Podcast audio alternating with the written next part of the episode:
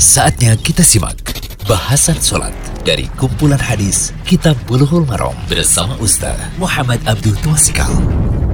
Bismillahirrahmanirrahim. Assalamualaikum warahmatullahi wabarakatuh. Alhamdulillah, salatu wassalamu ala rasulillah wa ala alihi wa sahbihi wasallam.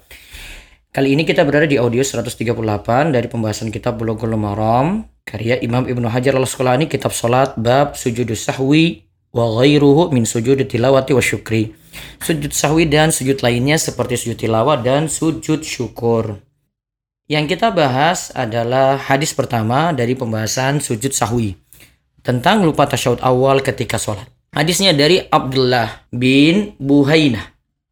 Hadisnya dari Abdullah bin Buhainah radhiyallahu anhu anna nabiyya sallallahu alaihi wasallam shalla bihi mudhuhra faqama fi rak'atayn al-ulayaini wa lam yajlis faqama an-nasu ma'ahu hatta idza qada as-salata wa an-nasu taslimahu. Kabbara wa huwa jalisun wa sajada sajadataini qabla ayusallima thumma sallama akhrajahu sab'atu wa hadha lafzul bukhari dari Abdullah bin Buhaina radhiyallahu anhu Nabi Shallallahu alaihi wasallam sholat duhur bersama mereka. Beliau berdiri pada dua rakaat pertama dan tidak sempat duduk tasyahud awal. Nah, Nabi tidak duduk tasyahud awal ya. Orang-orang pun ikut berdiri dan bersama beliau hingga beliau akan mengakhiri sholat dan orang-orang menunggu salamnya. Ketika beliau bertakbir dengan duduk. Jadi sebelum salam beliau takbir dengan duduk, kemudian beliau sujud dua kali sebelum salam. Kemudian beliau salam. Dikeluarkan oleh imam yang tujuh. Dan lafaz ini menurut riwayat Imam Bukhari Hadis ini riwayat Bukhari, Muslim, Abu Daud, Tirmidzi, An-Nasai, Ibnu Majah dan Ahmad.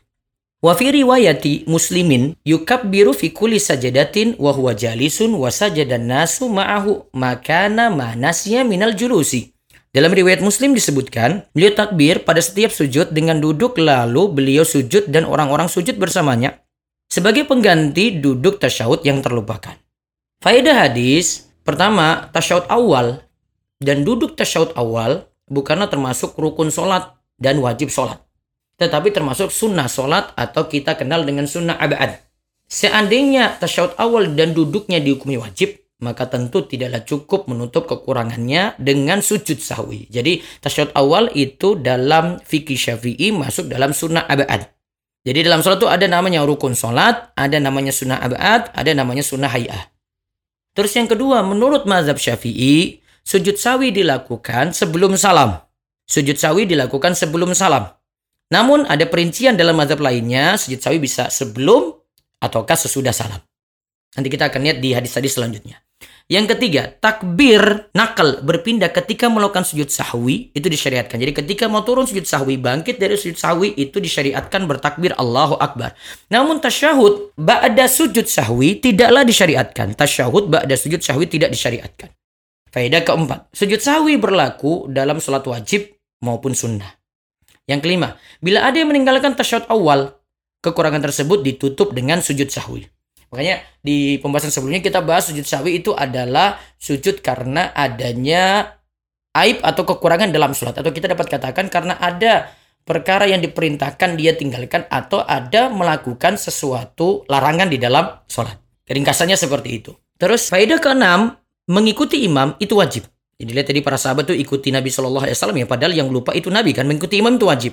Walaupun akhirnya makmum mesti meninggalkan bagian tertentu dari sholatnya. Kan Nabi berdiri langsung dari tasyahud awal. Mereka ikut, Nabi berdiri, mereka tidak tasyahud awal juga. Jadi Nabi SAW membiarkan para sahabat seperti itu. Padahal mereka akhirnya sengaja tidak melakukan tasyahud awal. Karena apa? Mengikuti imam. Maka kalau imam terlanjur berdiri sempurna, sekali lagi, kalau imam terlanjur berdiri sempurna ke rakaat ketiga, makmum juga ikut imam untuk berdiri sempurna. Tidak mereka ngotot untuk melakukan tasyahud awal karena mengikuti imam dalam hal ini lebih wajib. Sedangkan tadi tasyahud awal tadi hukumnya apa? Sunnah abad. Terus faedah yang ketujuh, siapa saja yang lupa mengerjakan tasyahud awal hingga ia sudah berdiri sempurna pada rakaat ketiga, maka ia tidak balik mengerjakan tasyahud awal. Yang luput cukup ditutup dengan sujud sahwi.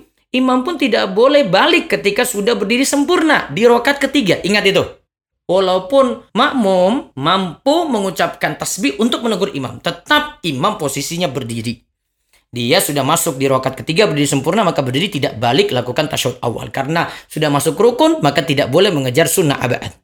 Faedah keempat, Nabi Muhammad SAW bisa saja lupa karena lupa itu suatu yang normal pada manusia.